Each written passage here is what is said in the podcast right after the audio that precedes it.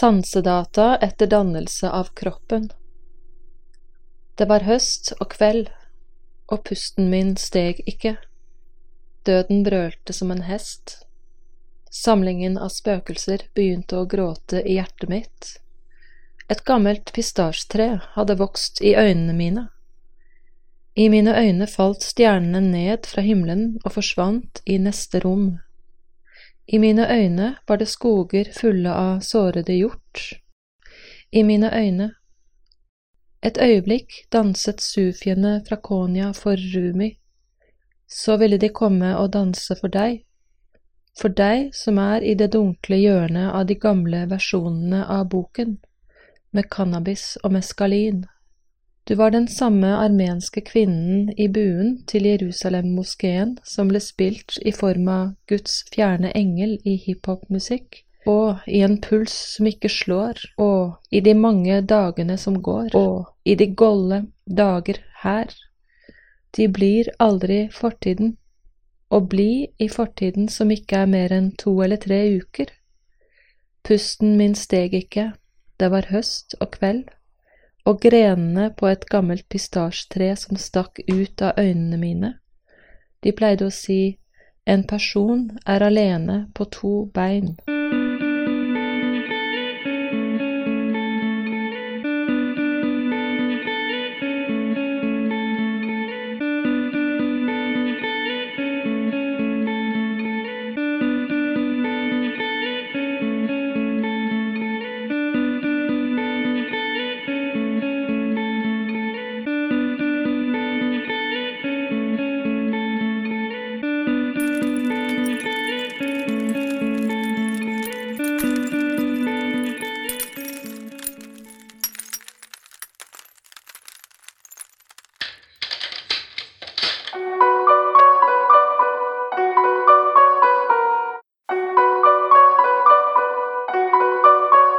Mitt navn er Atle Haaland. Jeg er forfatter. Debuterte i 2015 med diktsamlinga 'Han'.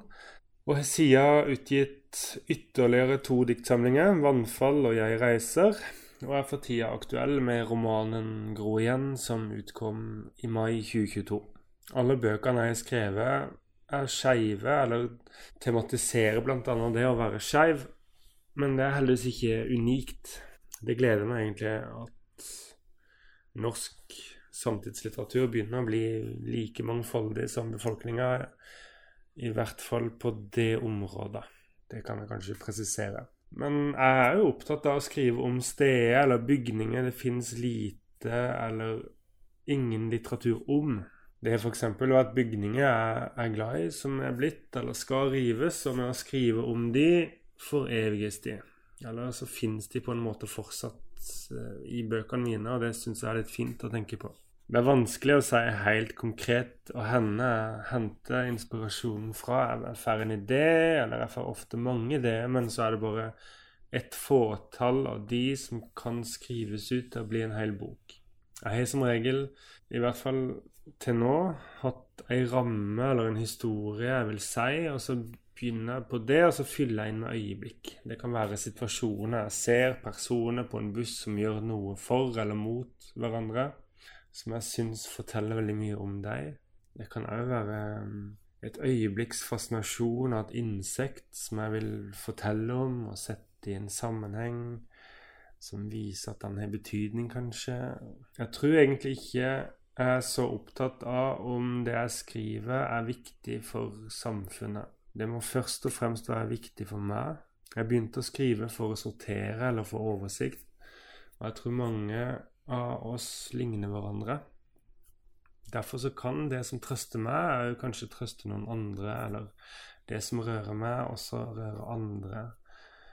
Det som er interessant for meg, være interessant for andre.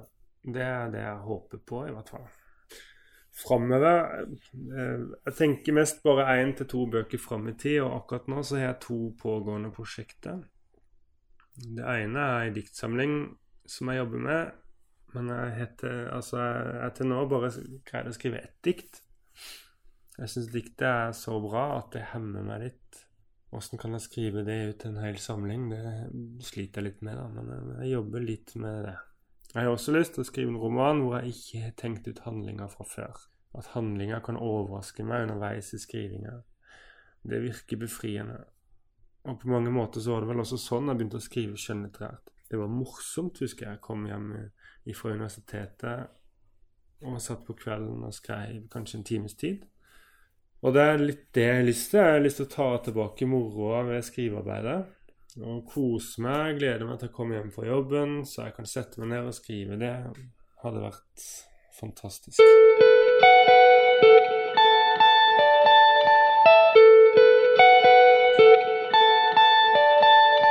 Jeg skal lese fra den siste romanen min, 'Gro igjen'.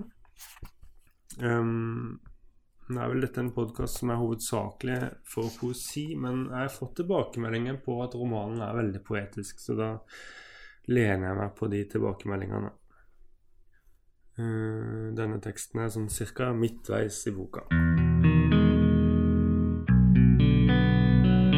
Deia løypene er til ut av huset, inn i skauen, ned til vannet, for å vente, for å se om det har skjedd noe siden sist, for å tenke, noen ganger bare for å bli så sliten at jeg kan gå hjem igjen og ikke gjøre noe jeg ser skyene på himmelen i vannet, krypsivet og mørket under. Det ser ut som hår, krypsivet. Som et digert beist er i ferd med å reise seg opp fra vannet. Langt inni ei tett floke ligger skjebbe med buken opp. Så mye siv sløye fiskeliv og den har allerede innskrenka verden som en innsjø er, blir stadig mindre av dette ville som vokser. Frykten for at det òg skjer i meg, forfølger meg på stiene til vindvann. Det glipper ikke før i den siste bratte bakken opp Bordalen.